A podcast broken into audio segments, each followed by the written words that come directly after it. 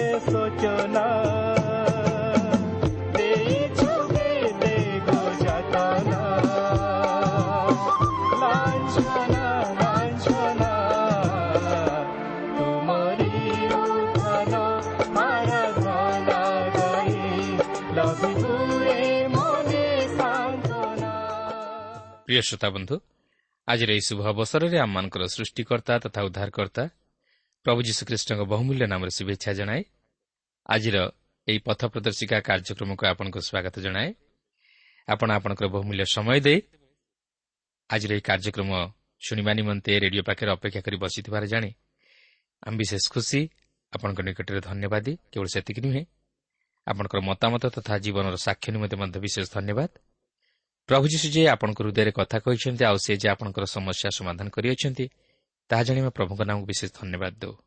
ତାହେଲେ ଆସନ୍ତୁ ଆଜିର ଏହି ଅବସରରେ ଆମେ ପ୍ରଭୁଙ୍କର ବାକ୍ୟ ମଧ୍ୟ ଦେଇଯିବା ପୂର୍ବରୁ ପ୍ରାର୍ଥନାର ସହିତ ପ୍ରଭୁଙ୍କ ବାକ୍ୟର ନିକଟବର୍ତ୍ତୀ ହେବା। ଆସନ୍ତୁ ପ୍ରାର୍ଥନା କରିବା।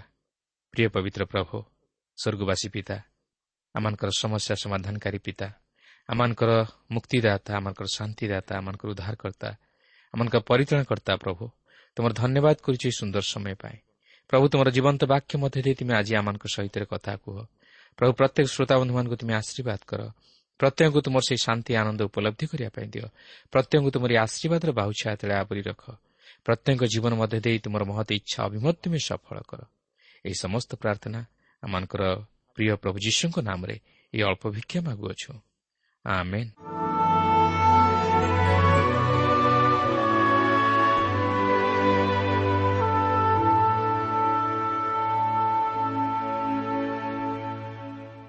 ଆସନ୍ତୁ ବର୍ତ୍ତମାନ ଆମେ ପ୍ରଭୁଙ୍କର ବାକ୍ୟ ମଧ୍ୟକୁ ଯିବା।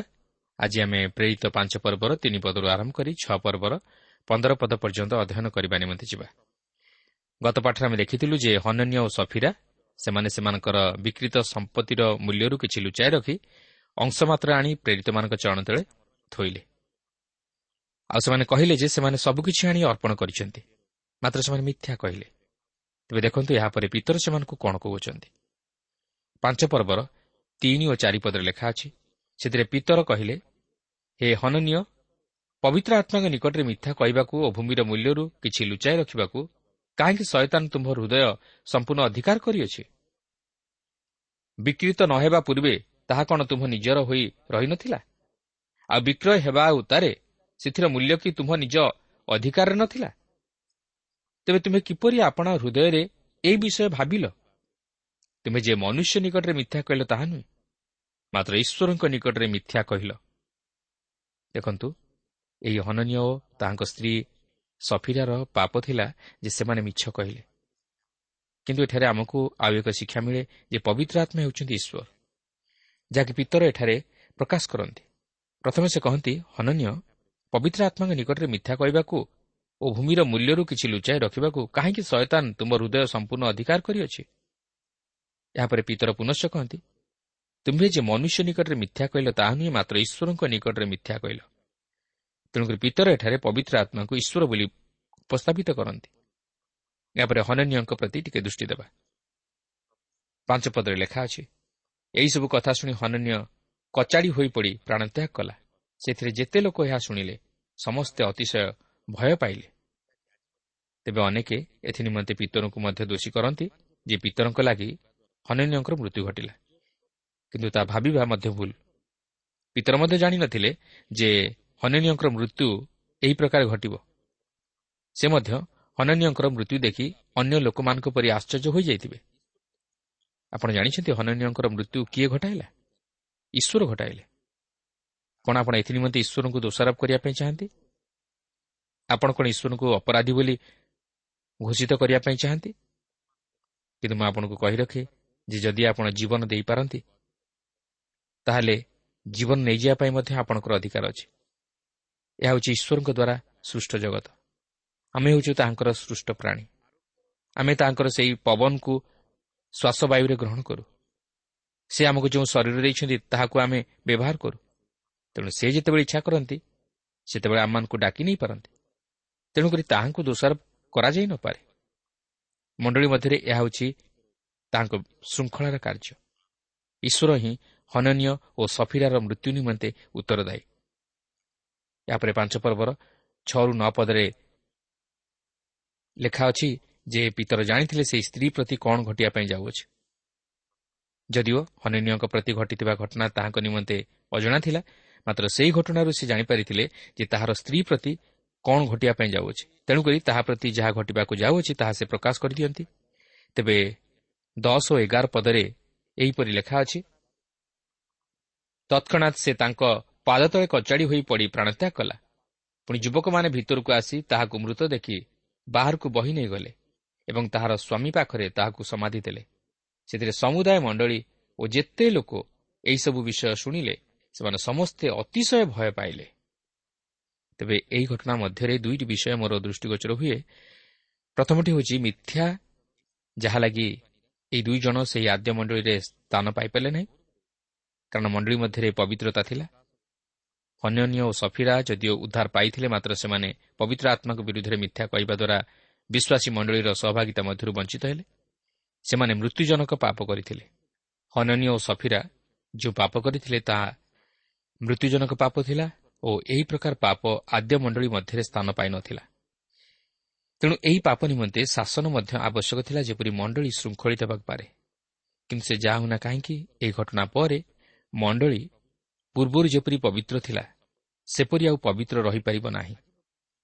ଏହି ଘଟଣା ଆଦ୍ୟ ମଣ୍ଡଳୀର ପବିତ୍ରତାକୁ କ୍ଷୁର୍ଣ୍ଣ କରିବା ସଙ୍ଗେ ସଙ୍ଗେ ପତନର କାରଣ ହେଲା। ପରବର୍ତ୍ତୀ ଅଧ୍ୟାୟରେ ଆମେ ଏହି ବିଷୟ ନେଇ ଅଧିକ କିଛି ଦେଖିବାକୁ ପାରିବା। ତେବେ ଦେଖନ୍ତୁ ଏହି ଘଟଣା ପରେ ମଣ୍ଡଳୀ ମଧ୍ୟରେ ଭୟଜାତ ହେଲା ଓ ଯେଉଁମାନେ ଏହି ସମସ୍ତ ଘଟଣା ଶୁଣିବାକୁ ପାରିଲେ ସେମାନେ ମଧ୍ୟ ଭୟ ପାଇଲେ। କିନ୍ତୁ ପବିତ୍ର ଆତ୍ମାଙ୍କର କାର୍ଯ୍ୟ ମଣ୍ଡଳୀ ମଧ୍ୟରେ ଚାଲୁ ରହିଥିଲା ଏବଂ ଅନେକ ଅନେକ ଲୋକ ଉଦ୍ଧାର ପାଇଲେ ଓ ମଣ୍ଡଳୀ ସହିତ ସଂଯୁକ୍ତ ହେଲେ। କିନ୍ତୁ ତଥାପି ମଣ୍ଡଳୀ ଆଦ୍ୟରୁ ଯେପରି ପବିତ୍ର ଥିଲା ସେହିପରି ପବିତ୍ର ରହିପାରିଲା ନାହିଁ। ଦ୍ୱିତୀୟ ବିଷୟଟି ହେଉଛି ପିତରଙ୍କର ଆତ୍ମିକ ବିଚାର ବୁଦ୍ଧି ଯାହାକି ଆଜି ମଣ୍ଡଳୀ ମଧ୍ୟରେ ତହିଁର ଅଭାବ ଦେଖାଯାଏ। ତେଣୁକରି ବର୍ତ୍ତମାନର ଖ୍ରୀଷ୍ଟୀୟ ମଣ୍ଡଳୀ ମଧ୍ୟରେ ବିଶୃଙ୍ଖଳା ଓ ଅଶାନ୍ତି ସୃଷ୍ଟି ହୁଏ ଓ ମଣ୍ଡଳୀ ଆତ୍ମିକ ଜୀବନରେ ବର୍ଦ୍ଧିଷ୍ଣୁ ହୋଇପାରେ ନାହିଁ। ତେବେ ଏଠାରେ ଆପଣଙ୍କ ମନରେ ପ୍ରଶ୍ନ ଆସିପାରେ ଯେ ବର୍ତ୍ତମାନର ଖ୍ରୀଷ୍ଟୀୟ ମଣ୍ଡଳୀ ମଧ୍ୟରେ କ'ଣ ଏହିପରି ମିଛ କେହି କହୁନାହାନ୍ତି? ଟଙ୍କା ପଇସା ବିଷୟ ନେଇ କ'ଣ ଅବିଶ୍ୱସ୍ତତା ଦେଖାଯାଏ ନାହିଁ? ତାହେଲେ ସେହିପରି ତ ମୃତ୍ୟୁ କାହାର ଘଟିବାର ଦେଖାଯାଏ ନାହିଁ? ତେବେ ଏହିପରି ନ ହେବାର ଅନେକ କାରଣ ଅଛି ତାଛଡ଼ା ଏପରି ମୃତ୍ୟୁ ଘଟୁନାହିଁ ବୋଲି ଆପଣ କହିପାରିବେ ନାହିଁ। ଏହି ମୃତ୍ୟୁ ବଦଳରେ ମୃତ୍ୟୁଠାରୁ ବଳି ଅଧିକ ଯନ୍ତ୍ରଣାଦାୟକ ମୃତ୍ୟୁ ମଧ୍ୟ ଘଟିପାରେ ଯାହାକି ଆପଣ ଜାଣିପାରିବେ ନାହିଁ କି ମୁଁ ମଧ୍ୟ ଜାଣିପାରିବି ନାହିଁ।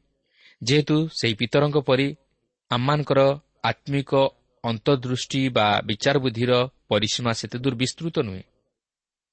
ତେବେ ଯଦି ଆମେ କହିବା ଯେ ସେହିପରି ମୃତ୍ୟୁ ବର୍ତ୍ତମାନ କାହିଁକି ଘଟୁନାହିଁ ତାହେଲେ ଏହାର ଉତ୍ତର ହେଉଛି ଯେ ବର୍ତ୍ତମାନର ଖ୍ରୀଷ୍ଟୀୟ ମଣ୍ଡଳୀ ସେହି ଆଦ୍ୟ ମଣ୍ଡଳୀ ପରି ପବିତ୍ରତାରେ ସମକକ୍ଷ ନୁହେଁ। ତେଣୁ ଈଶ୍ୱର ଯଦି ସେହିପରି ବିଚାର କରନ୍ତି ତାହେଲେ କେହି ବି ତାହାଙ୍କ ନିକଟରେ ଧାର୍ମିକ ବୋଲି ଗଣିତ ହୋଇପାରିବେ ନାହିଁ। କିନ୍ତୁ ସେହି ମୃତ୍ୟୁ ଆଜିର ଖ୍ରୀଷ୍ଟୀୟ ମଣ୍ଡଳୀର ବିଶ୍ୱାସୀ ବିଶ୍ୱାସିନୀମାନଙ୍କ ନିମନ୍ତେ ଏକ ଦୃଷ୍ଟାନ୍ତ ସ୍ୱରୂପ ଯେପରି ଆଜିର ଖ୍ରୀଷ୍ଟୀୟ ମଣ୍ଡଳୀ ମଧ୍ୟରେ ସେହିପରି ବିଷୟ ନ ଘଟେ ଓ ବିଶ୍ୱାସୀ ତଥା ବିଶ୍ୱାସିନୀମାନେ ଏଥି ନିମନ୍ତେ ସତର୍କ ରୁହନ୍ତି କିନ୍ତୁ ଈଶ୍ୱର ଯଦି ସେହିପରି ବିଚାର କରିଥାନ୍ତେ ତାହେଲେ ଏହି ପ୍ରକାର ପାପରେ ମୃତ ବ୍ୟକ୍ତିମାନଙ୍କର ସମାଧି ନିମନ୍ତେ ସମାଧି ସ୍ଥାନର ଅଭାବ ଓ ସମାଧି ଦେବା ନିମନ୍ତେ ଲୋକମାନଙ୍କର ମଧ୍ୟ ଅଭାବ ଘଟିଥାନ୍ତା ତେଣୁ ଏହି ପ୍ରକାର ପାପ ପ୍ରତି ଯଦି ଆମେ ସତର୍କ ରହୁ ଓ ଖ୍ରୀଷ୍ଟୀୟ ମଣ୍ଡଳୀର ପବିତ୍ରତା ରକ୍ଷା କରୁ ତାହେଲେ ଆମେ ଖ୍ରୀଷ୍ଟଙ୍କୁ ଗୌରବ ଦେଇପାରିବା। ଓ ବର୍ତ୍ତମାନର ଖ୍ରୀଷ୍ଟୀୟ ମଣ୍ଡଳୀକୁ ଆଦ୍ୟ ଖ୍ରୀଷ୍ଟୀୟ ମଣ୍ଡଳୀର ଆତ୍ମିକ ସ୍ତରକୁ ଆଣିପାରିବା। ତେବେ ବର୍ତ୍ତମାନ ଲକ୍ଷ୍ୟ କରିବାର ବିଷୟ ହେଉଛି ଏହି ଘଟଣା ପରେ ପରେ ଯଦିଓ ଆଦ୍ୟ ମଣ୍ଡଳୀର ଅଗ୍ରଗତିରେ ବାଧା ସୃଷ୍ଟି ହୋଇଥିଲା ମାତ୍ର ତଥାପି ମଣ୍ଡଳୀ ସେହିସବୁ ପ୍ରତିବନ୍ଧକକୁ ଏଡ଼ି ଆଗ ବଢ଼ି ଯିବା ନିମନ୍ତେ ସମର୍ଥ ହୋଇପାରିଥିଲା ପବିତ୍ର ଆତ୍ମା ତାହାଙ୍କ ଶକ୍ତିର କାର୍ଯ୍ୟ ସାଧନ କରୁଥିଲେ ଓ ବିଶ୍ୱାସୀମାନେ ମଣ୍ଡଳୀ ସହିତ ସଂଯୁକ୍ତ ହେବାକୁ ଲାଗିଲେ। ଯାହାକି ପାଞ୍ଚ ପର୍ବର ବାର ପଦରୁ ଚଉଦ ପଦ ମଧ୍ୟରେ ଆମେ ଲକ୍ଷ୍ୟ କରିବାକୁ ପାରୁ। ପ୍ରେରିତମାନେ ଯେଉଁ ସମସ୍ତ ଶକ୍ତିର କାର୍ଯ୍ୟ ସାଧନ କରିବା ନିମନ୍ତେ ଦାନପ୍ରାପ୍ତ ହୋଇଥିଲେ ତାହାକୁ ବ୍ୟବହାର କଲେ। ସେମାନେ ଲୋକମାନଙ୍କ ମଧ୍ୟରେ ଅନେକ ଆଶ୍ଚର୍ଯ୍ୟ କର୍ମମାନ ସାଧନ କଲେ। କିନ୍ତୁ ହନନୀୟ ଓ ସଫିରାଙ୍କ ଘଟଣାରୁ ଲୋକମାନେ ଭୟ ପାଇଯାଇଥିଲେ ଓ ପ୍ରେରିତମାନଙ୍କ ସହିତ ଯୋଗ ଦେବାକୁ ସାହସ କରୁନଥିଲେ। ତଥାପି ଅନେକ ଲୋକ ମଧ୍ୟ ସେହି ସମସ୍ତ ଅଦ୍ଭୁତ କର୍ମମାନ ଦେଖି ପ୍ରଭୁ ଯୀଶୁଙ୍କଠାରେ ବିଶ୍ୱାସ କଲେ ଓ ଉଦ୍ଧାର ପାଇଲେ। ସେମାନେ ମଣ୍ଡଳୀ ସହିତ ସଂଯୁକ୍ତ ହେଲେ। ତିନିଶହ ଖ୍ରୀଷ୍ଟାବ୍ଦ ବେଳକୁ ପ୍ରାୟ ହଜାର ହଜାର ଲୋକ ରୋମ୍ ସାମ୍ରାଜ୍ୟ ମଧ୍ୟରେ ଖ୍ରୀଷ୍ଟଙ୍କ ପ୍ରତି ଫେରିଲେ। ଏହାପରେ ପାଞ୍ଚ ପର୍ବର ପନ୍ଦର ଓ ଷୋହଳ ପଦରେ ଆମେ ଦେଖୁ ଯେ ପ୍ରଭୁ ଯୀଶୁ ସେମାନଙ୍କୁ ଯେଉଁ ପ୍ରତିଜ୍ଞା ଦେଇ କହିଥିଲେ ଯେ ତୁମେମାନେ ମୋଠାରୁ ଅଧିକ ଆଶ୍ଚର୍ଯ୍ୟ କାର୍ଯ୍ୟମାନ ସାଧନ କରିବ ତାହା ଏହିଠାରେ ସଫଳ ହେବାର ଆମେ ଲକ୍ଷ୍ୟ କରୁ। ପିତରଙ୍କ ଛାୟା ପଡ଼ିବା ଦ୍ୱାରା ମଧ୍ୟ ରୋଗୀମାନେ ସୁସ୍ଥ ହେଉଥିଲେ। ସେହିପରି ପାଉଲଙ୍କର ରୁମାଲ ଛୁଇଁବା ଦ୍ୱାରା ଲୋକେ ସୁସ୍ଥ ହେଉଥିଲେ। ବାସ୍ତବରେ ଏହା କ'ଣ ଏକ ଚମତ୍କାର ବିଷୟ ନୁହେଁ କି? ତେବେ ଏଠାରେ ପ୍ରଶ୍ନ ଉଠେ ଯେ ବର୍ତ୍ତମାନ କାହିଁକି ସେହିପରି ଅଦ୍ଭୁତ କର୍ମମାନ ସାଧନ ହୋଇପାରୁନାହିଁ? ତେବେ ସାଧନ ହେଉନାହିଁ ବୋଲି ମଧ୍ୟ ଆମେ କହିପାରିବା ନାହିଁ। ହୋଇପାରେ? ଏହା ସେହି ଆଦ୍ୟ ମଣ୍ଡଳୀର ସହିତ ସମକକ୍ଷ ହୋଇନପାରେ ମାତ୍ର ଈଶ୍ୱରଙ୍କ ବାକ୍ୟ ଆଜି ବି କାର୍ଯ୍ୟ ସାଧନ କରୁଅଛି।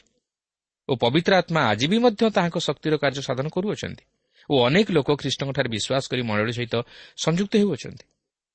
କିନ୍ତୁ ସେହି ଆଦ୍ୟମଣ୍ଡଳୀର ପ୍ରେରିତମାନଙ୍କ ନିମନ୍ତେ ଏହି ସମସ୍ତ ଅଦ୍ଭୁତ ଶକ୍ତିର କାର୍ଯ୍ୟ ଏକ ଚିହ୍ନ ସ୍ୱରୂପ ଥିଲା।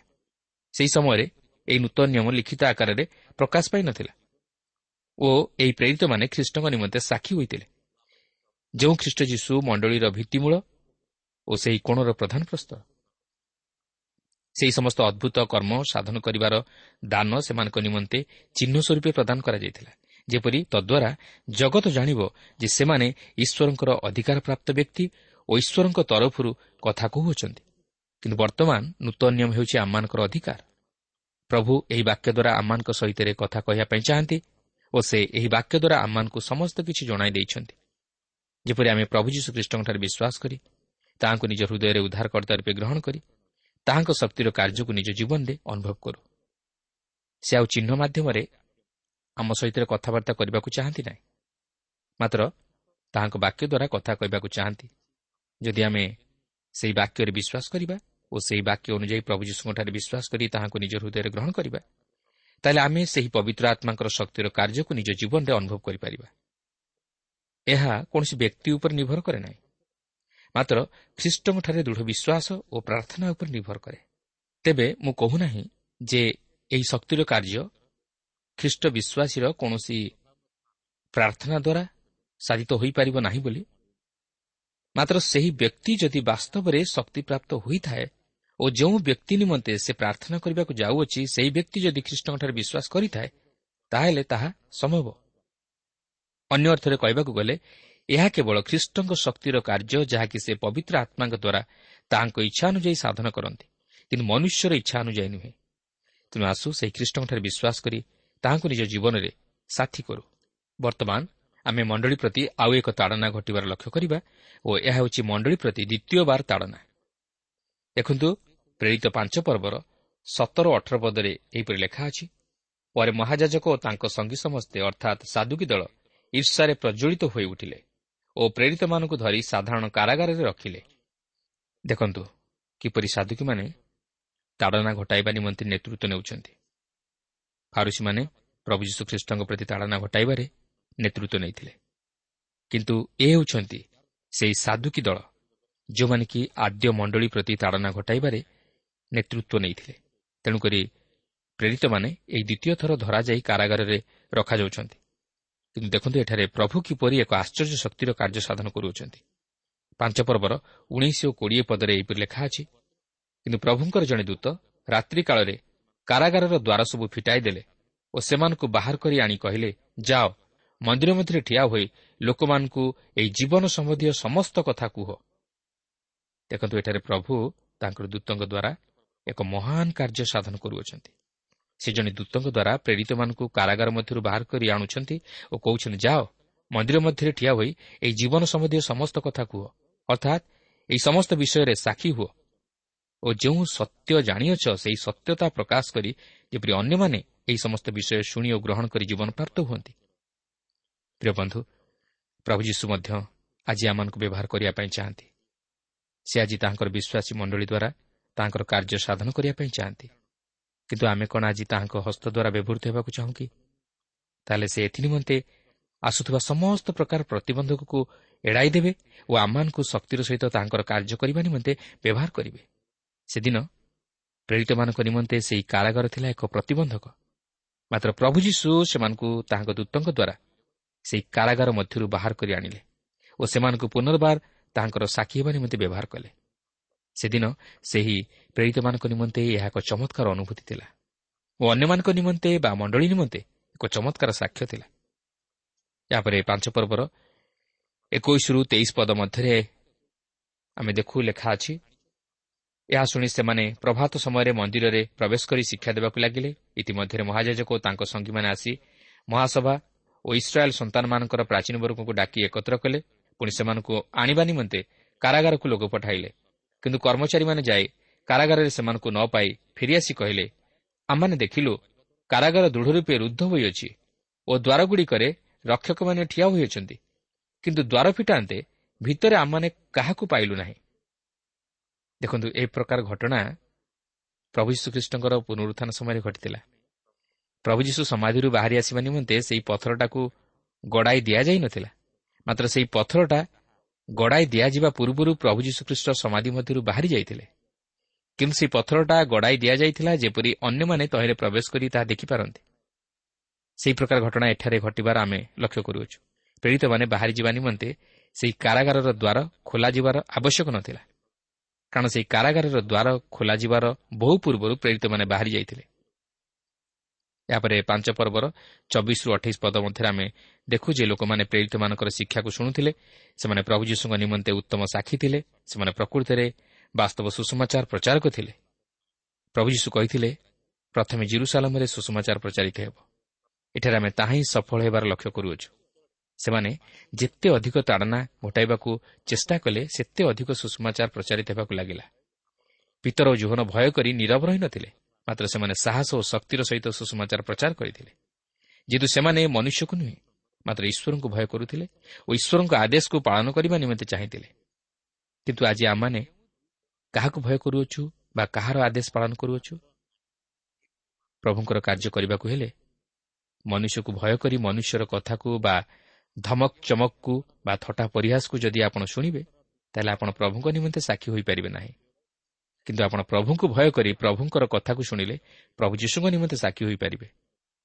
ଦେଖନ୍ତୁ ପିତର ସେମାନଙ୍କୁ କି ପ୍ରତ୍ୟୁତ୍ତର ଦେଉଛନ୍ତି ଯାହାକି ପାଞ୍ଚ ପର୍ବର ଅଣତିରିଶ ପଦରେ ଲେଖା ଅଛି।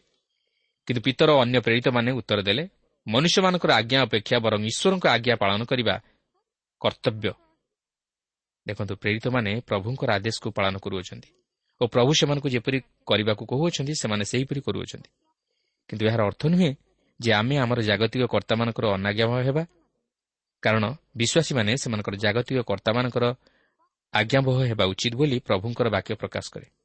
କିନ୍ତୁ ଏହା ଯେପରି ଈଶ୍ୱରଙ୍କ ଆଜ୍ଞା ବିରୁଦ୍ଧରେ ନ ଯାଏ ଅର୍ଥାତ୍ ସେହି ଜାଗତିକ କର୍ତ୍ତାମାନେ ଯେପରି ଈଶ୍ୱରଙ୍କ ଆଜ୍ଞା ବିରୁଦ୍ଧରେ ନ ଯାଆନ୍ତି କିମ୍ବା ଲୋକମାନଙ୍କୁ ଈଶ୍ୱରଙ୍କ ଆଜ୍ଞା ବିରୁଦ୍ଧରେ କାର୍ଯ୍ୟ କରିବାକୁ ନ ପ୍ରବର୍ତ୍ତାନ୍ତି। ଏଠାରେ ସେହି ଧାର୍ମିକ ନେତାମାନେ ଈଶ୍ୱରଙ୍କ ଆଜ୍ଞା ବିରୁଦ୍ଧରେ ଯାଇ କାର୍ଯ୍ୟ କରିବା ହେତୁ ପ୍ରେରିତମାନେ ଏହି ପ୍ରକାର ପଦକ୍ଷେପ ନେବା ନିମନ୍ତେ ବାଧ୍ୟ ହେଲେ। ଏହାପରେ ପାଞ୍ଚ ପର୍ବର ତିରିଶ ପଦରେ ଲେଖା ଅଛି ଯେଉଁ ଯୀଶୁଙ୍କୁ ଆପଣମାନେ କୃଷରେ ଟଙ୍ଗାଇ ବଧ କରିଥିଲେ ଆମମାନଙ୍କ ପିତୃପୁରୁଷଙ୍କ ଈଶ୍ୱର ତାହାଙ୍କୁ ଉଠାଇ ଅଛନ୍ତି। ପ୍ରଭୁ ଯୀଶୁଖ୍ରୀଷ୍ଟଙ୍କୁ ଯେ ସେମାନେ କୃଷରେ ଟଙ୍ଗାଇ ବଧ କରିଥିଲେ ଏହା ପିତର ସେମାନଙ୍କୁ ସ୍ପଷ୍ଟ ଭାବେ ଜଣାଇ ଦିଅନ୍ତି। କିନ୍ତୁ ଈଶ୍ୱର ଯେ ତାହାଙ୍କୁ ମୃତ୍ୟୁରୁ ଉଠାଇ ଅଛନ୍ତି ଏହା ମଧ୍ୟ ସ୍ପଷ୍ଟ କରିଦିଅନ୍ତି। ଏକତିରିଶ ଓ ବତିଶ ପଦରେ ଲେଖା ଅଛି ପୁଣି ସେ ଯେପରି ଇସ୍ରାଏଲ୍କୁ ମନ ପରିବର୍ତ୍ତନ ଓ ପାପକ୍ଷମା ଦାନ କରନ୍ତି ଏଥିନିମନ୍ତେ ଈଶ୍ୱର ଆପଣା ଦକ୍ଷିଣ ହସ୍ତ ଦ୍ୱାରା ତାଙ୍କୁ ଅଧିପତି ଓ ତ୍ରାଣକର୍ତ୍ତା ରୂପେ ଉନ୍ନତ କରିଅଛନ୍ତି। ପୁଣି ଆମ୍ଭେମାନେ ଏହି ସମସ୍ତ ବିଷୟର ସାକ୍ଷୀ। ଆଉ ଯେଉଁ ପବିତ୍ର ଆତ୍ମାଙ୍କୁ ଈଶ୍ୱର ଆପଣା ଆଜ୍ଞା ପାଳନକାରୀମାନଙ୍କୁ ଦେଇଅଛନ୍ତି ସେ ମଧ୍ୟ ସାକ୍ଷୀ। ଏହି ସମ୍ବାଦ ଆଜି ମଧ୍ୟ ଜିରୁସାଲାମରେ ଥିବା ଇସ୍ରାଏଲ୍ ଜାତି ନିମନ୍ତେ କାରଣ ସେମାନଙ୍କୁ ମନ ପରିବର୍ତ୍ତନ କରିବାକୁ ଅଛି ଓ ପାପକ୍ଷମା ପାଇବାକୁ ଅଛି। ପିତରଠାରେ କହିବାକୁ ଚାହାନ୍ତି ଯେ ପ୍ରଭୁ ଶ୍ରୀକୃଷ୍ଣଙ୍କର ମୃତ୍ୟୁ ଓ ପୁନରୁତ୍ଥାନ ଘଟଣା ସମ୍ପର୍କରେ ପ୍ରେରିତମାନେ ଯେ ସାକ୍ଷୀ ତାହା ନୁହେଁ ଏଥିସହିତ ପବିତ୍ର ଆତ୍ମା ମଧ୍ୟ ସାକ୍ଷୀ। ଅର୍ଥାତ୍ ପିତରଠାରେ ପ୍ରଭୁ ଶ୍ରୀକୃଷ୍ଣଙ୍କର ମୃତ୍ୟୁ ଓ ପୁନରୁତ୍ଥାନର ସତ୍ୟତାକୁ ପ୍ରକାଶ କରିବାକୁ ଯାଇ କହନ୍ତି ଯେ ସେମାନେ ଯେଉଁ ସମସ୍ତ ବିଷୟ ପ୍ରକାଶ କରୁଅଛନ୍ତି ତାହା ସେମାନଙ୍କ ନିଜ ମନରୁ ନୁହେଁ ମାତ୍ର ପବିତ୍ର ଆତ୍ମା ସେମାନଙ୍କୁ ମୁଖ ଦେଇ ତାହା ପ୍ରକାଶ କରନ୍ତି। ଏହାପରେ ତେତିଶରୁ ଚଉତିରିଶ ପଦରେ ଆମେ ଦେଖୁ ଯେ ସେମାନଙ୍କର ମନୋଭାବ। ସେମାନେ ପ୍ରେରିତମାନଙ୍କୁ ବଦ୍ଧ କରିବା ନିମନ୍ତେ ବନ୍ତଣା କଲେ। ମାତ୍ର ଦେଖନ୍ତୁ ଈଶ୍ୱର ସେମାନଙ୍କୁ କିପରି ଭାବେ ସୁରକ୍ଷା ପ୍ରଦାନ କରୁଅଛନ୍ତି। ଈଶ୍ୱର ଗମଲିୟନଙ୍କ ମଧ୍ୟ ଦେଇ କଥା କହୁଛନ୍ତି ଏହି ଗମଲିଏଲ ଜଣେ ଫାରୁସି ଓ ବ୍ୟବସ୍ଥା ଅଧ୍ୟାପକ ଥିଲେ। ତେବେ ସେ ସେହି ମହାସଭାର ସଦସ୍ୟମାନଙ୍କ ସହିତ କିଛି କଥାବାର୍ତ୍ତା କରିବା ପାଇଁ ପ୍ରେରିତମାନଙ୍କୁ ବାହାର କରିଦେବାକୁ କହୁଛନ୍ତି। ଆଉ ଏହି ଗମଲିଏଲ ପ୍ରେରିତମାନଙ୍କର ମଧ୍ୟ ଜଣେ ଶିକ୍ଷକ ଥିଲେ ଯାହାକି ଆମେ ପାଞ୍ଚ ପର୍ବର ପଞ୍ଚତିରିଶରୁ ଅଣଚାଳିଶ ପଦ ମଧ୍ୟରେ ଲକ୍ଷ୍ୟ କରିବାକୁ ପାରୁ। ସେ ଏଠାରେ ଉଦାହରଣ ଛଳରେ ଦୁଇ ଜଣ ବ୍ୟକ୍ତିଙ୍କ ବିଷୟ ନେଇ ପ୍ରକାଶ କରନ୍ତି ଯେଉଁମାନେ କି କେତେକ ଲୋକଙ୍କୁ ସାଙ୍ଗରେ ନେଇ ବିପ୍ଳବ କରିଥିଲେ ମାତ୍ର ସେମାନେ ମୃତ୍ୟୁବରଣ କରିବା ସଙ୍ଗେ ସଙ୍ଗେ ସେମାନଙ୍କର ଦଳ ମଧ୍ୟ ଛିନ୍ନଭିନ୍ନ ହୋଇଗଲେ। ବର୍ତ୍ତମାନ ସେ ସେମାନଙ୍କୁ ଉପଦେଶ ଦିଅନ୍ତି ଯେ ସେହିପରି ଯୀଶୁ ଓ ତାହାଙ୍କ ଅନୁଗମନକାରୀମାନଙ୍କ ପ୍ରତି ଘଟିବ ଯଦି ତାହା ବାସ୍ତବରେ ଈଶ୍ୱରଙ୍କଠାରୁ ହୋଇନଥାଏ। ଏହାପରେ ପାଞ୍ଚ ପର୍ବର ଚାଳିଶ ପଦରେ ଆମେ ଦେଖୁ ଲେଖା ଅଛି ସେମାନେ ତାଙ୍କ କଥାରେ ସମ୍ମତ ହେଲେ ପୁଣି ପ୍ରେରିତମାନଙ୍କୁ ନିକଟକୁ ଡାକି ସେମାନଙ୍କୁ ପ୍ରହାର କଲେ ଓ ଯୀଶୁଙ୍କ ନାମରେ କଥା ନ କହିବାକୁ ଆଜ୍ଞା ଦେଇ ଛାଡ଼ିଦେଲେ। ଦେଖନ୍ତୁ ଏହି ଲୋକମାନେ ଯଦି ନିରୀହ ତାହେଲେ ସେମାନେ ସେମାନଙ୍କୁ ଛାଡ଼ିଦେବା ଉଚିତ ଥିଲା। ଯଦି ସେମାନେ ଦୋଷୀ ତାହେଲେ ସେମାନେ ସେମାନଙ୍କୁ ଧରି ଶାସ୍ତି ଦେବା ଉଚିତ ଥିଲା। କିନ୍ତୁ ସେମାନଙ୍କୁ ଏହିପରି ପ୍ରହାର କରି ଛାଡ଼ିଦେବା ସେମାନଙ୍କ ପକ୍ଷରେ ଉଚିତ ନଥିଲା ଓ ଏହା ଅତି ଦୁଃଖର ବିଷୟ ଥିଲା। ସେମାନେ ଗମଲିୟନଙ୍କ କଥା ଭଲ ଭାବେ ଶୁଣିବାର ଉଚିତ ଥିଲା। ସେଦିନ ପିତର ଓ ଜୋହନ ଦୋଷୀ ନଥିଲେ ମାତ୍ର ସେହି ମହାସଭାର ସଦସ୍ୟମାନେ ସେମାନଙ୍କୁ ବିନା କାରଣରେ ପ୍ରହାର କଲେ। ଏପରିକି ଯୀଶୁଙ୍କ ନାମରେ କଥା ନ କହିବାକୁ ସେମାନଙ୍କୁ ଆଜ୍ଞା ଦେଲେ। ଏଥିରୁ ଯୀଶୁଙ୍କ ପ୍ରତି ସେମାନଙ୍କର ମନୋଭାବ କିପରି ଥିଲା ତାହା ଆପଣ ଅନୁମାନ କରିପାରୁଥିବେ। ଏହାପରେ ଏକଚାଳିଶ ଓ ବୟାଳିଶ ପଦରେ ଆମେ ଦେଖୁ ଯେ ପ୍ରେରିତମାନେ ଅତି ଚମତ୍କାର ଲୋକ ଥିଲେ ସେମାନେ ପ୍ରଭୁ ଯୀଶୁଙ୍କ ନିମନ୍ତେ ତାଡ଼ନା ଭୋଗ କରିବାକୁ ପ୍ରସ୍ତୁତ ଥିଲେ ଓ ସେମାନେ ଦୁଃଖ କରିବା ପରିବର୍ତ୍ତେ ଆନନ୍ଦ କରୁଥିଲେ। ସେମାନେ ଭୟ କରିବା ପରିବର୍ତ୍ତେ ସାହସିକ ହେଉଥିଲେ। ନିରୁତ୍ସାହିତ ହେବା ପରିବର୍ତ୍ତେ ଉତ୍ସାହିତ ହେଉଥିଲେ। ଯେହେତୁ ପ୍ରଭୁ ଯୀଶୁ ସେମାନଙ୍କ ସହିତରେ ଥିଲେ ଓ ସେମାନଙ୍କୁ ଶକ୍ତିଯୁକ୍ତ କରି ବ୍ୟବହାର କରୁଥିଲେ। ଦେଖନ୍ତୁ ସେମାନେ ସେହି ମହାସଭାର ସଦସ୍ୟମାନଙ୍କ କଥାରେ ଚୁପ୍ ହୋଇ ରହିଗଲେ ନାହିଁ ମାତ୍ର ଆହୁରି ଅଧିକରୁ ଅଧିକ ପ୍ରଭୁ ଯୀଶୁଙ୍କ ବିଷୟରେ ଶିକ୍ଷା ଦେଇ ପ୍ରଚାର କରିବାକୁ ଲାଗିଲେ। ତେବେ ସେହି ସୁସମାଚାର କ'ଣ ଥିଲା? ପ୍ରଭୁ ଯୀଶୁଖ୍ରୀଷ୍ଟଙ୍କର ମୃତ୍ୟୁ ଓ ତାଙ୍କର ପୁନରୁତ୍ଥାନ। ବର୍ତ୍ତମାନ ଆମେ ଯେଉଁ ତ୍ରୁଟି ଦେଖିବାକୁ ଯିବା ତାହା ସେହି ଆଦ୍ୟ ମଣ୍ଡଳୀରେ ଏକ କାର୍ଯ୍ୟକାରୀ କମିଟି ଗଠନ କରିବା ଦିଗରେ ଏକ ପ୍ରଧାନ କାରଣ ସ୍ୱରୂପ ଥିଲା। ପ୍ରେରିତ ଛଅ ପର୍ବର ପ୍ରଥମ ପଦରେ ଏପରି ଲେଖା ଅଛି ଏହି ସମୟରେ ଯେତେବେଳେ ଶିଷ୍ୟମାନଙ୍କର ସଂଖ୍ୟା ବୃଦ୍ଧି ପାଉଥିଲା ସେତେବେଳେ ଗ୍ରୀକ୍ ଭାଷାବାଦୀ ଜୁହୁଦୀମାନେ ଏବ୍ରିୟମାନଙ୍କ ବିପକ୍ଷରେ ବଚସା କରିବାକୁ ଲାଗିଲେ କାରଣ ଦୈନିକ ପରିଚର୍ଯାରେ ସେମାନଙ୍କର ବିଧବାମାନଙ୍କୁ ଉପେକ୍ଷା କରାଯାଉଥିଲା। ଆମେ ଜାଣି ରଖିବା ଉଚିତ ଯେ ଏହି ଘଟଣା ସେହି ଆଦ୍ୟମଣ୍ଡଳୀର ଇତିହାସରେ ଆରମ୍ଭ ସମୟରେ ଘଟିଥିଲା ପ୍ରଥମେ ଆମେ ହନନୀୟ ଓ ସଫିରାଙ୍କ ଘଟଣାରେ ଏକ ତ୍ରୁଟି ଲକ୍ଷ୍ୟ କରିଥିଲୁ ଓ ବର୍ତ୍ତମାନ ଆମେ ଏହି ଗ୍ରୀକ୍ ଭାଷାବାଦୀ ଜୁହୁଦୀମାନେ ଏବ୍ରିୟମାନଙ୍କ ବିରୁଦ୍ଧରେ ବଚସା କରିବାର ଲକ୍ଷ୍ୟ କରୁଅଛୁ। ତେବେ ଏହା ଦୁଇ ଜାତି ମଧ୍ୟରେ କୌଣସି ବିରୋଧ ଭାବ ହେତୁ ନୁହେଁ କିନ୍ତୁ ସଂସ୍କୃତିର ଭିନ୍ନତା। କାରଣ ଗ୍ରୀକ୍ ଭାଷାବାଦୀ ଜୁହୁଦୀୟମାନେ ଗ୍ରୀକ୍ ସଂସ୍କୃତିକୁ ଅନୁକରଣ କରିବା ସମୟରେ ଏବ୍ରିୟମାନେ ମୂଷାଙ୍କର ବ୍ୟବସ୍ଥା ଅନୁଯାୟୀ ସମସ୍ତ ବିଷୟ କରୁଥିଲେ। ପ୍ରକୃତରେ ଏହି କାରଣରୁ ସେମାନଙ୍କ ମଧ୍ୟରେ ଏକ ଭୁଲ ବୁଝାମଣା ସୃଷ୍ଟି ହେଲା ଓ ତାହା ଧୀରେ ଧୀରେ ବୃଦ୍ଧି ପାଇବାକୁ ଲାଗିଲା। ଏହି ସମୟରେ ମଣ୍ଡଳୀ ମଧ୍ୟରେ ପ୍ରାୟ ପଚିଶ ହଜାର ବିଶ୍ୱାସୀ ଥିଲେ ଓ ଏହି ଆଦ୍ୟ ମଣ୍ଡଳୀ ମଧ୍ୟ ଧୀରେ ଧୀରେ ଆତ୍ମିକ ଜୀବନରେ ଦୁର୍ବଳ ହେବାକୁ ଲାଗିଲା। କାରଣ ସଂଖ୍ୟା ବଢ଼ିବା ସଙ୍ଗେ ସଙ୍ଗେ ବିଭିନ୍ନ ପ୍ରକାର ବିବାଦ ତଥା ମତଭେଦ ଘଟିଲା ସ୍ୱାର୍ଥପରତା ଓ ଦଳଭେଦ ମଧ୍ୟ ଦେଖାଦେଲା। ସେହି ଗ୍ରୀକ୍ ଭାଷାବାଦୀ ଯୁହୁଦୀମାନେ ଅଳ୍ପ ସଂଖ୍ୟକ ଥିଲେ ଓ ସେମାନେ ଅବହେଳିତ ହେଉଛନ୍ତି ବୋଲି ଭାବି ସେମାନଙ୍କର ବିଧବାମାନଙ୍କୁ ଯେପରି ଏବ୍ରିୟମାନଙ୍କ ସହିତ ସମାନ ଅଧିକାର ମିଳିବ ତାହା ଦାବି କଲେ। ଏହି ସମସ୍ତ ବିଷୟ ପ୍ରେରିତମାନଙ୍କର ଦୃଷ୍ଟିକୁ ଅଣାଗଲା। ଏହାପରେ ଛଅ ପର୍ବର ଦୁଇ ପଦରୁ ଚାରିପଦ ମଧ୍ୟରେ ଆମେ ଦେଖୁ ଯେ ପ୍ରେରିତମାନେ ଅନୁଭବ କଲେ ଯେ ସେମାନେ ଈଶ୍ୱରଙ୍କ ବାକ୍ୟ ପ୍ରଚାର ପରିତ୍ୟାଗ କରି ଜାଗତିକ ବିଷୟରେ ସମୟ ଅତିବାହିତ କରିବା ଉଚିତ ନୁହେଁ ବା ଭୋଜନ ପାନରେ ବ୍ୟସ୍ତ ରହିବା ଉଚିତ ନୁହେଁ। ସେମାନେ ଈଶ୍ୱରଙ୍କ ବାକ୍ୟ ପ୍ରଚାରର ଗୁରୁତ୍ୱକୁ ଉପଲବ୍ଧି କଲେ। ଯଦି ସେମାନେ ଈଶ୍ୱରଙ୍କ ବାକ୍ୟ ପ୍ରଚାର ପରିତ୍ୟାଗ କରି କେବଳ ଖାଦ୍ୟ ପଦାର୍ଥ ପରିବେଷଣରେ ବ୍ୟସ୍ତ ରୁହନ୍ତି ତାହେଲେ ତାହା ଭଲ ହେବ ନାହିଁ। ସେମାନେ ପ୍ରାର୍ଥନା ଓ ବାକ୍ୟ ଅଧ୍ୟୟନରେ ବିଶେଷ ଭାବେ ସମୟ ଦେବା ଆବଶ୍ୟକ। ତାହା ହିଁ ଆଜି ପ୍ରତ୍ୟେକ ଖ୍ରୀଷ୍ଟୀୟ ମଣ୍ଡଳୀ ମଧ୍ୟରେ ପରିଲକ୍ଷିତ ହେବା ଆବଶ୍ୟକ। ତେବେ ଏହି ଯେଉଁ ସମସ୍ୟାଟି ଉପୁଜିଥିଲା ଏଥିନିମନ୍ତେ ସେମାନେ ଆତ୍ମା ଓ ଜ୍ଞାନରେ ପରିପୂର୍ଣ୍ଣ ତଥା ସୁଖ୍ୟାତି ସମ୍ପନ୍ନ ସାତ ଜଣଙ୍କୁ ସେହି ପରିବେଷଣ କାର୍ଯ୍ୟରେ ନିଯୁକ୍ତି ଦେଲେ। କାରଣ ପ୍ରେରିତମାନେ ଏହାକୁ ଗୁରୁତ୍ୱପୂର୍ଣ୍ଣ ବୋଲି ମନେ କଲେ ଯେପରି ସେମାନଙ୍କର ବାକ୍ୟ ଅଧ୍ୟୟନ ତଥା ପ୍ରାର୍ଥନାରେ ସମୟର ଅଭାବ ନ ଘଟେ କିମ୍ବା ପ୍ରତିବନ୍ଧକ ସୃଷ୍ଟି ନ ହୁଏ। କିନ୍ତୁ ଏଠାରେ ମୁଁ ଗୋଟିଏ ବିଷୟ ଉପରେ ଆପଣଙ୍କର ଦୃଷ୍ଟି ଆକର୍ଷଣ କରିବା ପାଇଁ ଚାହେଁ। ତାହା ହେଉଛି ଯେ ଆଦ୍ୟମଣ୍ଡଳୀରେ ଏହିପରି ବସ୍ତୁବାଦ ବିଷୟକୁ ପରିଚାଳନା କରିବା ନିମନ୍ତେ ଆତ୍ମା ଓ ଜ୍ଞାନରେ ପରିପୂର୍ଣ୍ଣ ବ୍ୟକ୍ତିମାନଙ୍କୁ ମନୋନୀତ କରାଯାଉଥିଲା ଯାହାକି ବର୍ତ୍ତମାନର ଖ୍ରୀଷ୍ଟୀୟ ମଣ୍ଡଳୀମାନଙ୍କରେ ସେତେଦୂର ପରିଲକ୍ଷିତ ହୁଏ ନାହିଁ। ତେବେ ଏଠାରେ ଆମେ ଦେଖୁ ଯେ ସେହି ସାତ ଜଣଙ୍କର ନାମ ଉଲ୍ଲେଖ କରାଯାଇଅଛି ଓ ସେହି ସାତ ଜଣଙ୍କ ମଧ୍ୟରୁ ସ୍ତିପାନଙ୍କ ଉପରେ ବିଶେଷ ଗୁରୁତ୍ୱ ଦିଆଯାଇଥିବାର ଆମେ ପରବର୍ତ୍ତୀ ଅଂଶରେ ଦେଖିପାରିବା। କାରଣ ସ୍ତିପାନ ବିଶ୍ୱାସ ଓ ପବିତ୍ର ଆତ୍ମାରେ ପରିପୂର୍ଣ୍ଣ ହେଲେ। ଏହାପରେ ପାଞ୍ଚ ଓ ଛଅ ପଦରେ ଆମେ ଦେଖୁ ଯେ ସେମାନେ ହସ୍ତାର୍ପିତ ହେବା ଦ୍ୱାରା ପ୍ରେରିତମାନଙ୍କ ସହିତ ପରିଚିତ ହେଲେ ଓ ସେମାନଙ୍କ ସହିତ ସେହି କାର୍ଯ୍ୟରେ ଅଂଶୀ ହେଲେ। ଏହାପରେ ସାତ ପଦରୁ ପନ୍ଦର ପଦ ମଧ୍ୟରେ ଆମେ ଦେଖୁ ଯେ ଈଶ୍ୱରଙ୍କ ବାକ୍ୟ ବୃଦ୍ଧି ପାଇବାରେ ଲାଗିଲା ଓ ମଣ୍ଡଳୀ ବିସ୍ତାରିତ ହେବାକୁ ଲାଗିଲା। ଆଉ ସ୍ତିପାନ ଆଦ୍ୟ ମଣ୍ଡଳୀ ମଧ୍ୟରେ ଏକ ମହାନ ବ୍ୟକ୍ତି ଥିଲେ ଆଉ ଏହି ସ୍ତିପାନ ମଧ୍ୟ ପ୍ରେରିତମାନଙ୍କ ପରି ଶକ୍ତିର ସହିତ ପ୍ରଭୁ ଯୀଶୁଙ୍କ ସୁଷମାଚାର ପ୍ରଚାର କରୁଥିଲେ। କିନ୍ତୁ ସାଧୁକମାନେ ତାହାଙ୍କୁ ଧରି ତାହାଙ୍କ ବିରୁଦ୍ଧରେ ମିଥ୍ୟା ଅଭିଯୋଗ କରି ତାହାଙ୍କୁ ବିନାଶ କରିବା ନିମନ୍ତେ ଯୋଜନା କଲେ। ଆଉ ସେମାନେ ତାହାଙ୍କୁ ବଦ୍ଧ କଲେ ଯାହାକି ଆମେ ପରବର୍ତ୍ତୀ କାର୍ଯ୍ୟକ୍ରମରେ ଆଲୋଚନା କରିବା। ପ୍ରଭୁ ପ୍ରତ୍ୟେକଙ୍କୁ ଆଶୀର୍ବାଦ କରନ୍ତୁ। ପ୍ରିୟ ଶ୍ରୋତା ଆପଣ ଈଶ୍ୱରଙ୍କ ବାକ୍ୟ ଶୁଣିବା ନିମନ୍ତେ ସମୟ ଦେଇଥିବାରୁ ଆମେ ଧନ୍ୟବାଦୀ। ଆପଣ ଯଦି ପ୍ରଭୁ ଯୀଶୁଙ୍କର ବାକ୍ୟ ବିଷୟରେ ଓ ତାହାଙ୍କର ପ୍ରେମ ବିଷୟରେ ଅଧିକ ଜାଣିବାକୁ ଚାହାନ୍ତି ଯାହାକି ଆପଣଙ୍କୁ ପାପରୁ ଉଦ୍ଧାର ପାଇବା ନିମନ୍ତେ ପଥ ଦେଖାଇବ ତାହେଲେ ଆମ ସହିତ ପତ୍ର ମାଧ୍ୟମରେ ଅଥବା ଟେଲିଫୋନ୍ ଯୋଗେ ଯୋଗାଯୋଗ କରନ୍ତୁ।